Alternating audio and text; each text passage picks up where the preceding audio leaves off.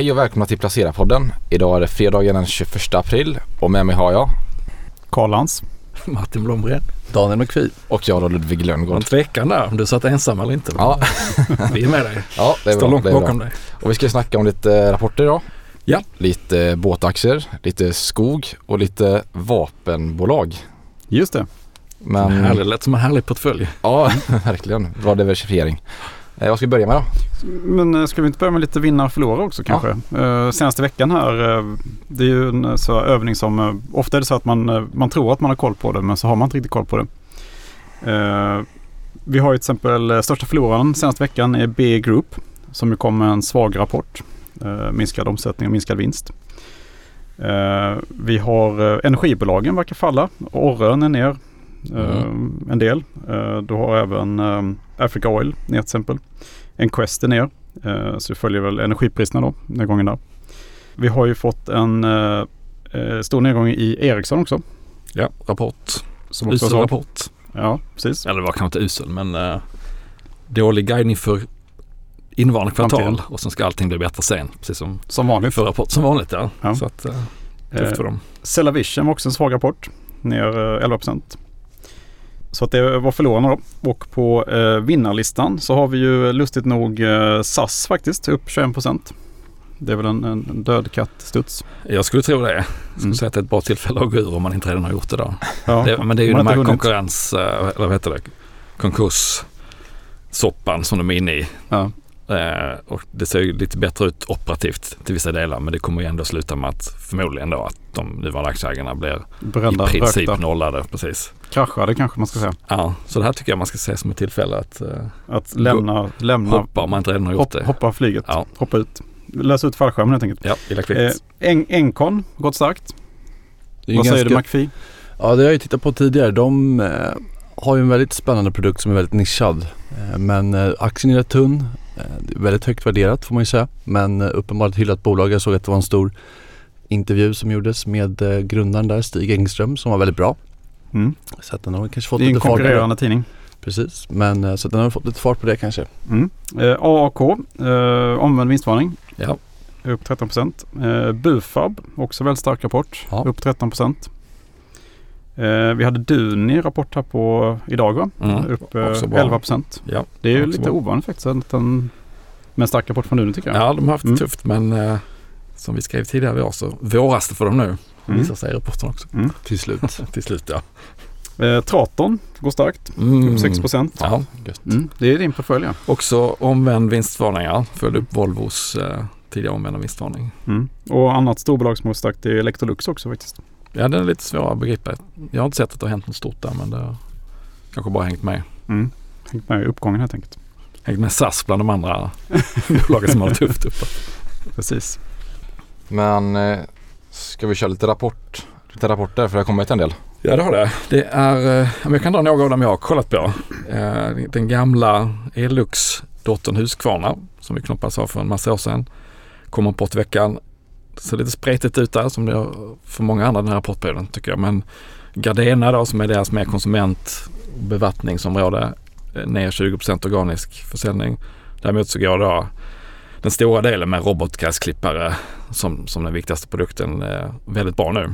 Och det är klippare då både för konsumenter och proffsanvändare. Och det här tror jag är väldigt viktigt för att eh, aktiestoryn ska hålla. Att de då ska bli ett, tar ledningen inom robotgräsklippare. Eh, konsumenter har ju redan börjat gilla det här, i delar av världen i alla fall. Och förra året så lanserade de då även för professionella användare. Alltså typ golfbanor eller idrottsanläggningar och sådär. Och det här är en marknad som de, som är i princip helt ny, som de uppskattar till 100 miljarder. Eh, och, så, och, och de är först egentligen och har tagit liksom ledarrollen. Så kan de fortsätta utvecklas bra där så är det superviktigt för, för bolaget och aktien. Hur ser de just på konsumentsidan? Märker de tydligt? Ja men det, det verkar gått bra både på konsument och proffssidan just på klipparna. Ja. Däremot på bevattningssidan så, så är det tuffare och det handlar väl om att återförsäljarna då som ju kan vara Bauhaus eller alla de här stora detaljhandelskedjorna är lite försiktiga med att bygga upp lagret för man vet inte hur, hur starka konsumenterna kommer vara om man kommer att handla. Så att det är lite tudelat då. Konsumentoro men den här lite mer strukturella robotgräsklippar-storyn som är ganska attraktiv. Och värderingsmässigt P 20 ungefär på årets vinst. Faller ganska snabbt till P 13, 12 på 2025. Eh, och då tyckte det såg ut som att analytikerna ligger på ett marginalprognos på 11 procent. De själva har ett mål på 13 så att det är inte så att man tar ut så mycket förskott. Mm. Så eh, jag tycker att det här borde kunna ge lite uppbackning till aktien framåt. Hur gick aktien på rapportdagen? Först, först väldigt mycket upp och sen så har det tappat lite igen. Mm. Det finns ju lite andra annat brus kring det här bolaget. Då. VDn gick ju bort tragiskt ganska just nyligen så de, de ska ju till en ny ordinarie VD. Vet man inte vem det blir. Så dök ju Bosch upp i ägarlistan. Säger att de kontrollerar 12 procent vilket de inte hade förankrat med bolaget eller med eh, Investor och Lundberg som är de andra storägarna. Fientligt. eh, Ja, de, ja kanske de har en, en liksom, allians inom batterier då sedan tidigare. Som, de, som Bosch själva då pekar på att det var en anledning till att de ville gå in som ägare. Men mycket mer vet man inte så att eh, ja, de kanske vill köpa det. De kanske bara vill blocka andra från att Mm. ta över Husqvarna. Så det finns lite, de tycker kronan är så billig just nu så att eh, de passar på liksom. det kan väl det också. Eller det är väl ingen nackdel i alla fall. Nej. Så nej men jag tyckte det mer plus än minus i den rapporten även om konsumentsidan är, är lite orolig. Och sen kan jag väl bara kort dra Volvo också. Där kom ju en omvänd vinstvarning så man visste vad resultatet skulle vara. Så det man egentligen frågar sig här då, hur ser, hur ser ordersiffrorna ut? Men det var också väldigt mycket bättre än, än väntat. 30% upp jämfört med förra året och jag tror det var 17-18 över analytikernas prognoser. Eh, men precis som tidigare så är det väldigt långa leveranstider så att de tar ju order nu. VDn Martin Lundstedt pratade om 3-4 kvartal framåt. Så att man har ju nästan fyllt 2023 redan. Vilket gör att man kanske, aktiemarknaden snart kanske kommer att sluta titta på 2023 och börja oroa sig för 2024. Mhm. Så det, kan, det håller säkert tillbaka eh, aktiens uppgång lite även om det var en liksom urstark rapport och bra orderingång. Och, Men det verkar vara det i hela, hela sektorn liksom. För jag vet att Daimler Trucks sa redan i, jag tror det slutade i januari, tror de sa att vi har fyllt hela orderboken för ja, i år liksom. ja, och Traton kom också också med starkt. bra Ja. siffror. Och, och omvänd vinstvarning där också som sagt. Så att, och, och marginalen var ju urstark i Volvo. Det, det tycker jag man ska dra någon tidiga trender här då att, att eh, marginalskrällar kommer vi nog få se en del det här kvartalet. Alltså man har, uppenbarligen har har man fått ordning på komponentbristen, det pratar Husqvarna också om. Så man har tillgång till halvledare och andra komponenter igen. Samtidigt så kickar då de här prishöjningarna som man har fått göra under förra året in. Så att man, man får ner sina egna tillverkningskostnader, får upp eh, priserna och får då en större marginalökning än vad kanske de flesta hade räknat med just nu. Kanske ett fönster på ett, två kvartal och sen är det inte så längre. Men, eh, så det ser ju riktigt bra ut marginalmässigt för många bolag, tillverkande bolag och det kommer det nog fortsätta göra. Jag tror det var Duni och Munter som kom på morgonen samma och Bufab kanske också liknande. Ja precis. Nej, men jag tittade ju på Bufabs rapport där och de eh, växer ju väldigt bra får man ju säga men organiskt ingenting faktiskt utan det är bara valuta och tidigare förvärv. Men de har också gått väldigt bra här under första kvartalet. De, samma sak där, kassaflödet blir väldigt bra. Jag tror att det gick till 300 miljoner från noll tidigare kvartal eller förra kvartalet samma period förra året. Nej, men där är ju också samma sak med ordering, eller Volvo hade nu visserligen en stark orderingång Mm. men just i Bufab då så minskar faktiskt orderingången. Eh, Så att eh, rent organiskt, de växer fortfarande för de har förvärvat och så. Men eh, helt klart så verkar det fortfarande vara ett eh, bra tryck i industrin. Ja, det verkar vara lite av en sweet spot nu då att man får, man får ut produkterna, man får ut dem med högre priser eh, och samtidigt som kostnaderna då går ner för att man har tillgång till komponenter till lite mer normala priser. Eh, så får man se hur länge det håller i sig eller hur länge marknaden vågar lita på det här. För man ser ju att det är inte alltid att kursreaktionerna håller i sig speciellt länge. Även om det har varit positiva reaktioner på rapporterna så verkar de fejda ut ganska snabbt. Ja, nej rapporterna är ju historiska siffror som man alltid vet så att eh, det är ju väldigt bra nu får Ja. man ju säga. Men det känns som att det är väldigt mycket som står rätt just här nu eller under första kvartalet. Ja, så är det. Sen kommer i, nu spelar vi in på förmiddagen här på fredagen. Sandvik kommer vid lunch. Eh, det blir lite intressant att se. De pratade en del om Kina förra gången då. Att, eh, hade vi en förhoppning om att Kina skulle börja öppna upp efter, efter deras nyår, efter covid-begränsningarna. Så det kan ju bli en viktig punkt framåt då om, om de ser att Kina verkligen har börjat lyfta så kan det väl bli en motor som man har saknat under ett tag här då. Och det syns ju ganska tidigt i deras eh, verktygsdel som följer konjunkturen den blir intressant där. Har du några tankar inför rapporten där? Ja, men en tanke är Kina vill man gärna då säga att det dyker upp som en, eh, en tillväxtdel. Eh, gruvsidan kommer säkert vara fortsatt bra. Ehm, och sen blir det intressant att se om de följer den här trenden med att marginalen blir bra. Att, att de har fått lägre kostnader för ja, frakt och komponenter samtidigt som man har fått igenom prishöjningar. Så att, och det är väl det marknaden har börjat ställa in sig lite på nu inför så att det blir svårare och svårare att slå prognoserna. Och sen nästa vecka rullar det vidare med storbankerna som är i tunga index och, och givet allt stök där med amerikanska bankkollapser och Credit Suisse eh, så kommer det också påverka rätt mycket ur börsens riktning framåt. Det är risk att vi går in till lite stormigare vatten då, som man kan säga. Ja, du har ju tittat på båt, äh, aktiemarknaden. Ja, jag kollar lite på båtaktierna här då. Så börjar med att kolla lite vad som liksom driver branschen framåt här nu. Och man har ju sett under Corona att det var explosionsartad efterfrågan i båtbolag, alltså båt, båtar då. Mm. Som Hemester. Ja exakt, hemestertrenden slog in. Och sen är ju frågan om den här kommer hållas kvar eller om den försvinner helt och hållet. Men man kan väl tänka sig att den kommer vara kvar till en viss del men kanske inte lika stark som under pandemin. Men det är inte båt det första man offrar om man nu behöver offra någonting? Så att säga. Jo precis, så det, frågan just nu då är hur kommer en lågkonjunktur slå mot den här branschen? Förmodligen ganska hårt Mm. om man inte befinner sig i de här mer kanske lyxigare segmenten som katamaraner som jag kommer gå in på här sen och jotter kanske håller sig bättre. Så jag kollar på några bolag här då och då kollar på det svenska bolaget Nimbus Group som noterades under 2021 så det måste varit precis vid Corona där när Mm. det var som hög, bäst efterfrågan liksom. Och de har nästan halverats sedan de noterades så det har inte varit någon vidare rolig börsutveckling där. Eh, Och de äger båtar som Nimbus, Flipper, Falcon och Paragon Yachts. Du kanske vet något om det Daniel? Nej, Nej. jag vet vad det är men jag, ja, lite båtintresserad är man. Men Ja. just Nimbus har väl ändå gått ganska bra rent operativt som Mm. jag förstår det. Och just i USA går det väl väldigt Mm. starkt. Så att värderingen antar jag, nu kommer vi väl in på det, men den borde väl ha kommit ner ganska mycket antar jag. Ja, jag tror det var PE 5 på rullande 12 månader. Ja. Så det är väldigt billigt. Då tar man höjd för att det här Då tar man kommer verkligen höjd på att detta liksom. kan bli riktigt Mm. eh, blodigt. Eh, och det ska tillägg, tilläggas också att de gick ju i konkurs under, eller efter finanskrisen där Mm. så de hade haft väldigt tufft. Mm. Men nu verkar det som att de eh, har bre- breddats lite mer och blivit lite större och så. Och effektiviserat verksamheten. Och sen kollar jag också på ett amerikanskt bolag som heter Marine Max. Och det är ingen båt, båttillverkare utan det här är en återförsäljare. Som är i USA då och eh, de erbjuder förutom båtförsäljning också service och finansiering. Men fortfarande står eh, nya båtförsäljningar för 70% av omsättningen så det är också väldigt cykliskt då kan man tänka sig. Sen säljer de så här jottar och sånt där också så det kanske inte är lika cykliskt men det är klart om eh, alltså tillgångslag och sånt där som ofta förmögna personer går ner väldigt kraftigt så kommer den här branschen påverkas också.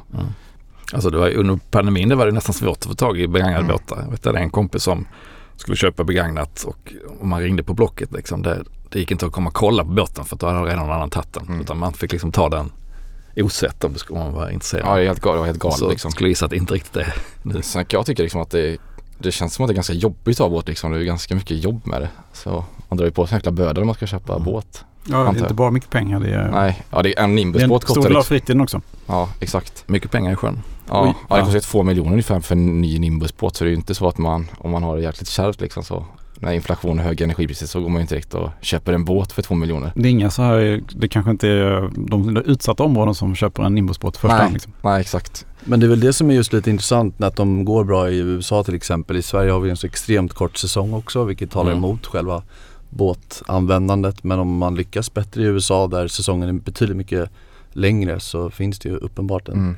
En marknad. Ja precis. Och, och det kan väl bli två, två bromsar. En är ju konjunkturen, det andra är att om, man, om väldigt många har köpt nyligen så Mm. byter man kanske inte båtar inom ett visst antal år. Ja men det exakt. kan Eller så kanske man säljer sin båt för att få in lite cash liksom. Ja. Så det kan ju vara Precis, andrahandsmarknaden måste Ja. ju ha blivit mycket större också nu. Ja, menar det. det är Så väl det- lite samma som med, med att folk skaffar coronahund så skaffar man väl en coronabåt liksom. Ja. Så, så att Ja. det, Fast de ska väl ut igen. Liksom. Fast och en coronagrill, man ser de här Weber och Trädgård, de Mm. packar ihop helt börsen och sen blir de utköpta Blev igen. ja just det, de blev Ja, uppköpta båda av två Weber. utköpta. Jaha. Och en coronabastu. Och en coronabast Harvey från också. Harvey. Ja, Harvey precis. också. Som man inte har råd att använda Ja.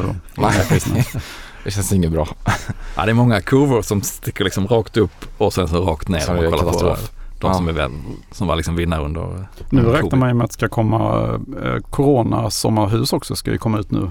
Den säsongen börjar väl precis nu Mm. gissar jag. Så det ska bli lite kul att följa det. Eh, och sen kollar jag på ett annat amerikanskt båtbolag som heter Malibu Boats som har eh, ja, Malibu heter det båtmärket då. Axis Pursuit och Maverick heter det. det är fritidsbåtar då. Så man kan åka, många båtar alltså man kan åka vattenskidor efter som är perfekta för det då. För det startades av eh, en grupp vänner som hade stort intresse för vattenskidor och så upptäckte man att det inte fanns några bra båtar för detta på marknaden. Så startade man detta själv då. Eh, och det är väl deras P7 ungefär. Ja, är det någon som du äger själv eller? Ska Nej. Jag tänka dig? Ja. Nej, ja det är väl det i så fall men det är för svår bransch det kan jag nästan få Mm. vara i. Så jag tror, jag tror jag avvaktar lite med den här branschen. Har ni några båtaktier?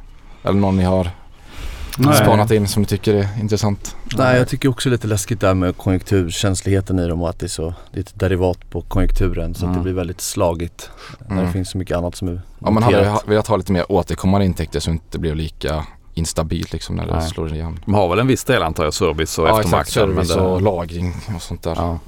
Men klart, använder man inte båten så servar man inte så mycket heller kanske. Nej, ja, jag vet inte det Det finns lite boating as a service vet jag, även Ja. i Sverige. Eh, vilket baslösningar. Men ehm, jag vet inte, det finns ju inget noterat sånt bolag antar jag. Även om de, de här bolagen säkert kan utveckla något sånt. Ja, men jag tror Marine Max har eh, hamnplatser och sånt där också som de hyr ut. Så det är kanske väl lite mer stabilt. Ja men det var väl det. Ja, spännande. Ska Mm. vi kolla på lite vapenaktier? Ja, det kan man göra. Eh, Lite mer eh, fräs i dem. Ja, Ja, visst. mer. De är ju, är ju på modet kan man säga igen eh, efter eh, den ryska invasionen av Ukraina. Då. Det var ju många av de här bolagen som eh, föll bort ur fonder och sådär Mm. av ESG-skäl. Och nu har det väl lite grann vänt, eller vänt med besked kan man säga. Så att det kanske är snarare tvärtom att man kanske ska äga de här bolagen liksom, eh, som ett statement. Eh, och eh, jag kollar på de 25 största eh, vapenbolagen i världen, eller försvarsaktierna. Eh, noterade i väst då, kan jag eh, säga också. Eh, och det intressanta här då att eh, det är faktiskt svenska Saab då som är den aktie som har gått allra bäst sedan eh, krigsutbrottet då i eh, februari förra året. Med en uppgång på eh, runt 200 procent. Eh, och eh, de har ju lyckats, eh, man ser också i siffrorna också att det har, det har eh, de har lyckats sälja väldigt mycket mer. Mm. Och det de framförallt säljer då det är ju eh, det är ju främst olika typer av pansarskott då. Särskilt då den här nya generationens pansarskott som var väldigt, väldigt avgörande särskilt då i initiala skedet när Ryssland försökte ta Kiev då. Så att de, de spelade ju en, ja, en helt avgörande roll ska jag säga. Mm. Eh, Så det varit lite snack om att sälja fler Gripen till ja, just det. Brasilien var det väl? Ja just det, det var nu senast ja. I år spås de lyft, lyfta omsättningen med runt 15 procent. Eh, och eh, nästa år då 24 med 10 procent. Mm. Eh, så att eh, man kan säga att det har lossnat rejält för Mm. Saab äntligen. Det var en sån aktie som alltid pratar om att den är lågt värderad också vet jag. Precis, och stor orderbok men inte så bra lönsamhet och Precis. så vidare. Och så vidare. Och de la mycket på pengar på research också Mm. och fick inte ut så mycket av det. Ehm, Men eh, det man kan se också när man kollar på de här 25 största eh, försvarsaktierna då det är att eh, närheten till krigsområdet spelar ju väldigt stor roll. Så att det är ju framförallt europeiska försvarsaktier som då har gått bäst sen, sen krigsutbrottet. Så tyska Rheinmetall till exempel har ju nästan gått lika starkt som Saab. Rheinmetall då är ju eh, tillverkar en, en massa olika alltså typer av transportfordon till exempel och stridsvagnar till Leopard 2 då som man nu ska då skicka till Ukraina som är det huvudstridsvagnen kan man säga i de flesta europeiska länder. Vad kostar en sån här stridsvagn? Ja, det var väl runt, eh, runt 10 eh, miljoner euro. Mm. Eh, en Leopard 2 då. Eh, sen har de på, de har tagit fram en, precis tagit fram en, en sprillans ny stridsvagn som går under namnet Panther KF51. Eh, som ska vara då eh, det absolut bästa då inom eh, stridsvagnsteknik. Och eh, den presenterades i juni förra året och ska börja produceras nu då. Som då ska kunna automatisera väldigt mycket mer. Eh, och kanske till och med kunna vara självkörande till slut Mhm. är tanken. Den är då eh, ännu mycket dyrare. Jag vet inte exakt hur mycket dyrare den är men eh, den lär komma. Och eh, förutom Rheinmetall så har vi eh, Leon Leonardo då som är då italiensk, Italiens största försvarsaktie som också har gått väldigt starkt. Och de eh, är ju stora framförallt inom stridshelikoptrar Mhm. men tillverkar då även eh, pi- pistolerna av modellen Beretta som kanske många känner till Mm. Mm, just det. eh, som är känd. Däremot har amerikanska försvarsaktier inte alls eh, presterat särskilt starkt faktiskt. Det är ju en eh, modesta uppgångar i dem får man säga. Vilka aktier är det där då som har gått sådär? Nej men du har ju Lockheed Martin till exempel. Det är ju världens största stridsflygstillverkare då. Eh, Den är upp 26 procent sedan eh, krigsutbrottet. Du har eh, Northrop Grumman till exempel upp 23 procent. De är duktiga på framförallt missiler då. Där har de ju hamnat lite i bakvattnet av, eller i, bakom Kina till exempel. Som Mm. har, när det gäller så överljudsmissiler. Eller Mm. Alltså väldigt, väldigt snabba missiler. Men jag tror Lockheed gjorde de här eh, Himmars eller Himmars. Himars, ja. Himars. Ja, ja det är ju den som, Som- konkurrerar mot Saabs då. Ja. Eh, precis. eh, nya generationens, eller man säger, pansarskott då. Så att, men det låter ändå som att de har gått bättre än index även om de inte kanske har gått lika bra som de här europeiska aktierna. Precis, så är det väl. Eh, sen i Europa har du de franska bolagen också som har gått väldigt starkt. Eh, du har ju Thales till exempel upp 70 procent. Safran upp 26. Dassault Aviation eh, som gör Rafael-planen då upp 63 procent. Sen eh, Japan har ju Mitsubishi Heavy Industries. De är ju sålda eh, stridsvagnar till Polen till exempel. Eh, upp 56 procent. Så att eh, tyvärr får man säga. Eller Ja. hur man ska säga det. Ja, vapenaktier då har ju varit eh, helt rätt. Eh, Mm. sen krigsutbrottet. Och det är långsiktigt, alltså staterna kommer att öka sin andel av BNP som man Ja, det lägger vet på man ju det att här. det, det, kommer att vara, det kommer att vara så under lång tid Ja, framöver nu. Så att man även om förhoppningsvis det här Mm. kriget tar slut snabbt så kommer ju investeringarna i Det de här här produkterna är fortsätta länge. säkert en sektor som kommer att vara, vara bra under de kommande tio åren säkert. Ja, ja. kan man redan nu säga. För det är så långa, långa löptider. Liksom. Mm. Har du några, några av dessa bolag eller? Nej, jag ägde Northrop Grumman ganska länge. Men eh, nej, jag har inte kvar den. Mm. Sen om man vill ha både civilt och, eh, och militärt så är det ju till exempel Airbus är ett sånt exempel på ett bolag som eh, har en stor, eller har en, ungefär en femtedel är militär då. Boeing till exempel har ju ungefär hälften militär. Så att man kan ju få lite av båda världar alltid. På tal om säkerhet så har vi ju fått en SPAC-affär till slut också. Just det. Just det. Så nu är det bara en kvar. Mm. Eh, Aligo var för några veckor sedan och berättade att de skulle lägga ner sig själva och betala ut pengarna och i veckan så köpte ju då ACQ Bure eh, Ubico Just det. som ju är då ett cybersäkerhetsbolag. Det lite som en USB-sticka man sätter in i. Ja precis Datorn. och har väl som jag förstår det väldigt eh, tunga kunder som är stater och så här. i- Du som- ägde den spacken eller? Nej, ja, fast det Du var länge sedan. ja. Jag har ägt den precis. Mm. Fast det var inte länge sedan vi snackade om Tyvärr. spackar i podden här. Nej, precis. Vi, vi pratade om att det börjar närma sig slutet nu. Det var ett år kvar Mm. för två av dem och bara några månader kvar för Aligo. Och sen så berättade Aligo att de kommer lägga ner nu. Men det som är lite speciellt med den här affären är ju att Bura ägde ju redan Ubico. Så att det är lite av en intern affär vilket Mm. kan se lite konstigt ut. Men eh, ja, nevertheless kul att de hamnar på Stockholmsbörsen tycker jag. Ja, för det är ju ett- en sektor som är het och kommer vara det alltså. länge och där det kanske inte finns så många alternativ i, här. Så att, Mm. eh, och, eh, sen ser det ju dyrt ut sådär men aktien gick ju aktien gick upp 10% och sen har den fallit tillbaka. Så den ligger kring 100 nu så att eh, ja, man kan komma in i det här intressanta Mm. bolaget på, på ganska intressant nivå ändå tror jag. Är det något du tänker köpa? Jag vet inte, jag har inte tittat tillräckligt noga liksom på hur det Mm. så, så lite rörigt ut med hela upplägget men eh, det är ju helt klart ett intressant bolag och, och eh, ja, det ska jag titta närmare på det tror jag Mm. innan jag sätter ner foten. Och så har vi skogsbolagen också. Ja.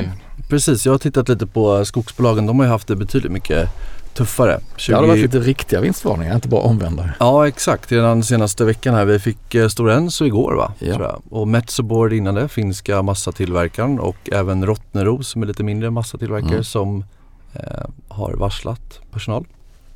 Och haft problem. De sa ju det att det var högre eh, kostnader för dem och eh, en eventuellt svagare dollar. Då. Och Så- prisnedgångar i vissa fall också. Ja exakt. Som precis omvänt mot så Volvo och de andra tillverkarna haft det då med. Exakt, så att de säljer ju massa bland annat då. Så att, eh, och priserna har ju exploderat tidigare på uppsidan med alla brister som har funnits i leverantörskedjor och en stor efterfrågan. Eh, vilket gjort att de tjänade brutalt med pengar 2022 Mm. och haft rekordvinster. Men sen dess, eftersom att börsen prisar in framtiden och nu börjar man prata om halverade vinster. Jag tror Stora Enso sa väl att det var kraftigt försämrat resultat vilket innebär ja, väl en halvering ungefär enligt dem själva. Då. Där var det dock energipriser bland annat som är ett problem för dem. Tittar man på de bolagen som SCA till exempel som jag tittar på, de är ju självförsörjande när det kommer till energi så att de är nog inte riktigt lika känsliga för just den delen. Men det jag har gjort då egentligen i den här veckan, jag har tittat på både SCA och Holmen som är de två stora noterade skogsjättarna i, i Sverige. Och de här eh, är ju typiska skogsbolag, äger väldigt mycket skog. Men det är själva skogen, det är de, har de som bas och sen så har de ju flera andra industrier för förpackningar och massa och trävaror och även trävaror har ju kommit ner väldigt mycket i priset. Hur många hektar skog har de? SCA har 2,7 miljo- miljoner hektar och eh, Holmen har ungefär hälften, 1,3 Åh, herregud. miljoner hektar. Mm. Men tittar man på resultatet så står ungefär 25% av resultatet från just skogen Mm. enskilt då och sen övriga rörelsedrivna industridelar som man får kalla det lite slarvigt då. Mm. Så att tittar man på skogstillgångarna och, och drar bort då hela skulden i bolaget och även tar bort en, den uppskjutna skatten som de redovisar, det vill säga skulle de sälja hela beståndet så har de ju en rätt stor del skatt, vilket de förmodligen aldrig dessutom kommer göra, men det ska ändå tas med i beräkningen. Just det, det blir som en hypotetisk eh, nedläggningskalkyl nästan. Då. Precis, så att om man tar SCA-fallet då så har de ungefär 100 miljarder i skogstillgångar och det här är det de värderar själva och det värderas utifrån transaktioner i området och där ska man också få med sig att det är väldigt teoretiskt med tanke på att volym i affären och vart skogen ligger kan ha stor inverkan. Så att man ska ta det för vad det är, att det är väldigt teoretiskt då. Mm. Hur mycket avverkar de varje år av den där, det de äger, alltså i procent det de äger typ? Vet man det eller? Det vet jag faktiskt inte på rak arm sådär. Mm. Men eh, det ju- finns ju absolut diskussioner kring att de avverkar för mycket. Det finns ju Mm. regleringsfrågor. Det finns ju också risker i Det form finns av politisk risk precis, jag Ja. tänker lite grann. verkligen politisk risk och sen så finns det också Barkborren. barkborren, eh, Ständigt denna borre. klimatförändringar, eh, torka, eh, extremväder. Så att det finns ju flera eh, absolut risker på det och, och det kan man ju se också ska ju tas med in i värderingen. Och just att det värderas in på framtida vinster där vi kan kanske se halveringar av vinsterna. Men bryter man ut de här skogsdelarna och bara tittar på rörelsen så både SCA och Holmen värderas, sina, eller själva industrirörelserna värderas väldigt lågt, ungefär 5-6 gånger vinsten Mm. om man gör en sån här typ av kalkyl. Så det tycker jag ändå är lite intressant, något som är, inte är in fashion just nu. Eh, Så att eh, långsiktigt tror jag att det kan vara bra att äga ett sånt här typ av bolag om man vill ha i portföljen och kanske inte vill heller direkt äga eller har möjlighet att direkt äga skog. Någon favorit bland de här två? Jag gillar personligen SCA, det är också det jag äger. Eh, De investerar ju väldigt mycket i framtida produktion. Eh, Så att de eh, tjänade 10 kronor ungefär nästan under förra året och 75% av det går rakt in i, i investeringar i rörelsen så att de kan ju också, eller de har ju finansierat hela sina investeringar via sina egna kassaflöden hela Mm. tiden även om de har en skuld på ungefär 10 miljarder. Då, så att har de kassaflöde på 5 miljarder förra året ungefär tror jag som gick rakt in i in- investeringsrörelsen så att säga och delar ut då lite mindre till aktieägarna. Holmen har ju faktiskt gjort tre gånger nu, eller tre, man räknar med det som kommer nu under 2023 så har de gjort extra utdelningar av vinsten då under tre år. Så att de delar ut lite mer, eh, vilket om man gillar mer utdelande och Mm. kan man äga det. Men eh, jag gillar nog SCA, de investerar mycket för framtiden, väldigt brett och ja, den värderas till och med ännu lite lägre då, ungefär fem gånger årsvinsten om man bryter ut det så här och har en, ett, ett större bolag. Men jag vet, Elinor till exempel tittade ju på Bergstimber, det var ju också väldigt intressant och där kan man ju se att de har egentligen bara då en del av det som man ser till exempel i SCA då med, med trävaror. Där ser man att det blir ju, de värderas ju ungefär till fem gånger årsvinsten Mm. då på de historiska vinsterna vilket visar att det finns ju någon typ av logik i det, Just det. hur börsen värderar de här. ihop. Så att, eh, nej men jag tycker båda de är intressanta men jag äger SCA. Har vi gjort några egna affärer då? Jag har inte gjort denna veckan men förra veckan var jag inte med så då kan jag rapportera att jag köpte Traton innan Volvos vinstvarning. Så det var för Ja, lite bra flax med timing. timingen där. Ja. Ja, men jag skrev ju honom för ett antal veckor tillbaka sedan och talade mig varm för dem. Så kände jag att jag får eh, lyssna på mig själv här. Så det var, men det var ju lite flax. Det var, inte, det var ju egentligen inte ett timing case på det sättet utan det var mer att de började få ihop sin verksamhet och var väldigt lågt värderad. Sen kom allt det här som en glad överraskning. Eh, och så ökade jag lite i Dustin som jag har sedan tidigare. Och där har inte egentligen hänt, hänt någonting men eh, rapporten fick ju lite fart på dem och nyemissionsrisken har minskat och eh, ja, bör kunna flacka ut förhoppningsvis operativt och uppåt på värderingen. Mm. Så det blir gjort. Jag har inte gjort, nej jag har inte gjort några affärer alls. Jag gjorde ett litet, eh, jag brukar göra, känna för att göra lite bottenfisken tidigare. Mm. Eh, Det ska man inte göra egentligen. Men eh, om man gör det i framgångsrika bolag eller normalt framgångsrika så är det okej. eh, tycker jag.